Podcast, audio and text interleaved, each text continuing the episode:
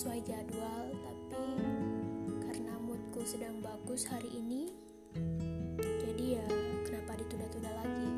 Semakin cepat, semakin baik ya kan? Oke, jadi hari Minggu udah makin deket. Kamu mau ngapain aja? Udah mikirin gak nanti hari Minggu ada rencana apa? Liburan bareng keluarga atau teman? Main ke rumah teman mungkin? Pacaran kalau yang punya? Atau malah gak ngapa-ngapain? Rebahan misalnya.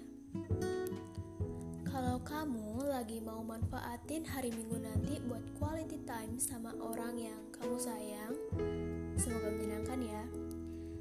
Tapi kalau kamu gak tahu mau ngapa-ngapain dan pengen rebahan aja hari Minggu nanti, gak apa-apa kok. Itu sebenarnya bisa dimanfaatin buat memulihkan energi karena udah bekerja berhari-hari. Pasti capek tuh. Nah, tapi kalau kamu bingung harus ngapain, tapi tetap pengen produktif, aku punya beberapa saran nih yang bisa kamu lakuin nanti pas hari Minggu. Yang pertama, nge-review kerjaan atau catatan.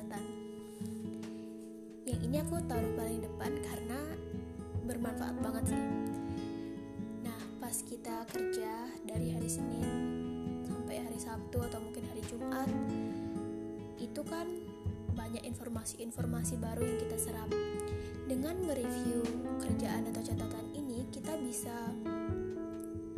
memulihkan kembali informasi-informasi lama itu sehingga bisa lebih mudah diingat otak kita. Yang kedua, berkebun. Dengan berkebun, kamu bisa meningkatkan mood sih katanya. Soalnya tubuh kita itu bergerak. Dan kalau kita menanam bunga nih misalnya, nanti bunganya tumbuh terus jadi cantik rumah kamu, ya yang enak juga kamu sendiri ya kan. Yang ketiga, membersihkan rumah.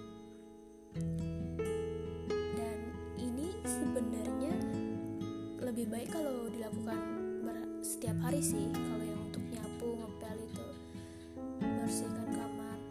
Tapi untuk yang per minggu ini bisa digunakan untuk misalnya mengelap kaca atau membersihkan lemari gitu misalnya yang tidak bisa kamu lakukan setiap hari.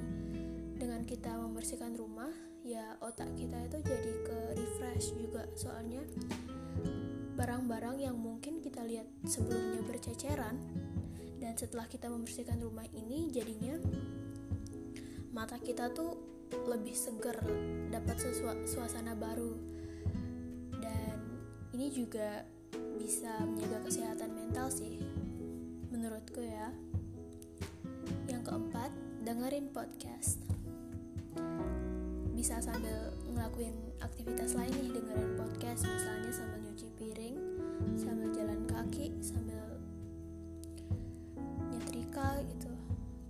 dengan dengerin podcast kita dapat tergantung sih sebenarnya kalau podcast yang kamu dengerin itu podcast podcast yang cerita-cerita itu kan bisa untuk menghibur kita jadi senang.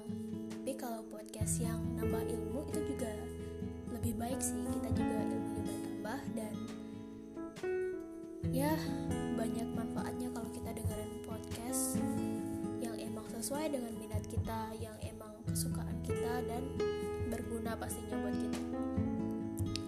Yang kelima coba buat hal kreatif.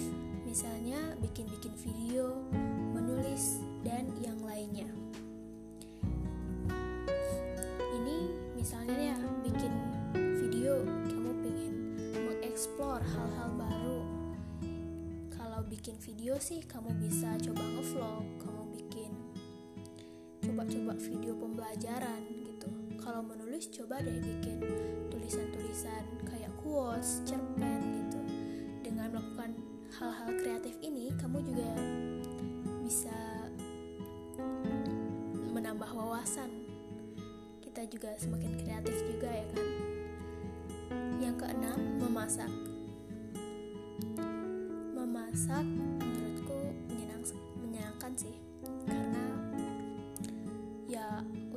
kita juga yang makan. Seru seru sih kalau ngelakuin masak-masak gitu apalagi sambil ngeliat-ngeliat video memasak di YouTube. Yang ketujuh melakukan digital minimalism agar fokus kita terjaga. Nah kan banyak tuh gambar-gambar file dokumen yang dikirim di media sosial kita pas hari-hari biasa yang sebenarnya gak penting-penting amat dan bisa kita hapus. Nah, dengan melakukan digital minimalism,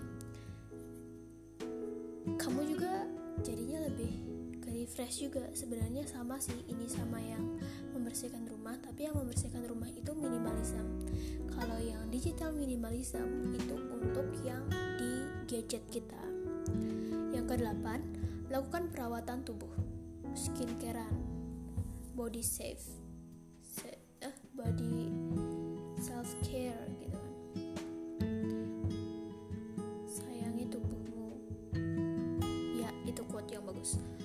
kesembilan, menonton film dokumenter untuk menambah ilmu. Yang terakhir, belajar bahasa asing. Bahasa Inggris, bahasa Korea, Thailand.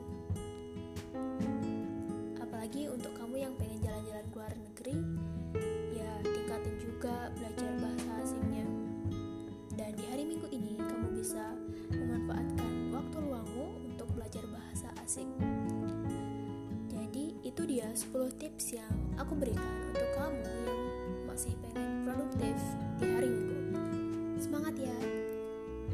Oh ya, jangan lupa follow Instagram at pratnyauln dan cek juga cerita aku di Wattpad at pratnyawulandari i underscore dan juga mampir ke YouTube aku buat dengerin lagu-lagu yang aku suka dan sudah dijadiin video terjemahan juga di Pratnya Wulandari. Semoga suka. Bye-bye.